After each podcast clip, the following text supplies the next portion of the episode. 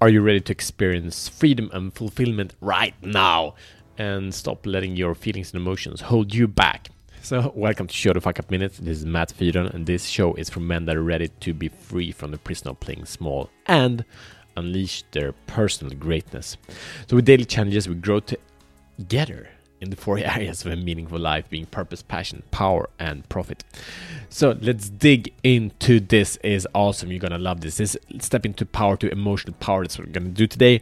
So problem is that we try to accomplish stuff and when we have achieved these things if it's a goal if it's a relationship if it's you know business or whatever it is if it's health we believe that when we accomplish these things, we're gonna feel in a certain way. We're gonna feel awesome. We're gonna feel like Superman. And I've been there. I am there uh, many times, back and forth every day. And then, in the end of that, we're gonna feel enough. We're gonna feel worthy of belonging. Do you know what I mean? I'm sure you do. So the action states that you're separated. Like the, the idea is that since I need to do this before, since I need to do this before I'm happy, I need to do this before I feel connected, uh, before I feel love, before I feel intimacy. The action states that you're separate from the thing you actually want, and that means suffering. Uh, so when actually that idea of, of being separate, that means suffering and, and struggling for, from what you want. So but the, the big, big, big, big, big problem here is that if tomorrow, you said tomorrow when I've achieved this, or in a year when I've achieved this, life will be different. Then what happens then that when that tomorrow comes, there is another tomorrow. So it's like in one year, you know, I'm gonna make a million dollars and I'm gonna be happy, or I, am then I'm gonna find my perfect partner or whatever it is. But then when that next year comes, even if you achieve that goal, right then you made a million dollars, but you will have grown so much you don't want ten million dollars or whatever it is. So you still be in a space of separation and you now project those feelings with something else. So as long as we project those feelings that some after at a point in the future, then I will feel this way, we've already lost. So it's only now, it's only here and now, it's only here and now we can get it. So that's the solution. So what do we do here? So we're gonna take emotional power of ourselves and live the dream we all want to have right here, right now. So the solution is to get clear on what you want, uh, what you want to feel, and, and connect that into depth.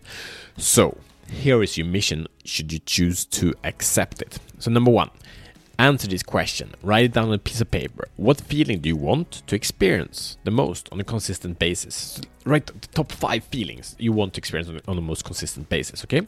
Number two, what are the negative feelings in your life that you don't want to experience? And negative feelings is a crappy word because you know negative feelings like anger, frustration, sadness, all these are signals, but it might be also a bit too much. You might be actually addicted to these negative feelings, right? So, what are these negative feelings that take you down, that don't make you feel good? What are they? Get clarity. Number number three, rate yourself on these feelings uh, about like how often are you feeling them as a rating and and how, the intensity of that okay? Number four what is a change you could make to increase the good feelings and decrease the bad feelings and a note there that is not oh okay i need to make the million dollars. I need you know i'm happy when i do this or that.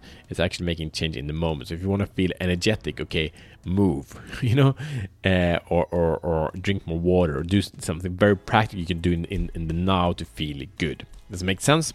All right, I hope it does. So by doing this, you get immense clarity on the emotions you want, and you'll be able to be uh, set your thermostat really much clearer with intense, uh, intention. And also, when you know the negative feelings you don't want to have, you get them as a clear signals to take the actions that you're now committing to. So.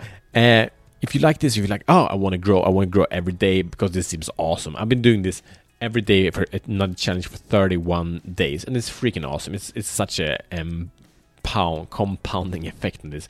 So I, re- I really recommend it. I, I know the experience. I know the power of these challenges has. So subscribe uh, and. I'm sure, I bet you know, man, that is really, really terrible handling his own emotions. So share this episode with him so he also can be free from the prison of playing small. See you tomorrow as a better man.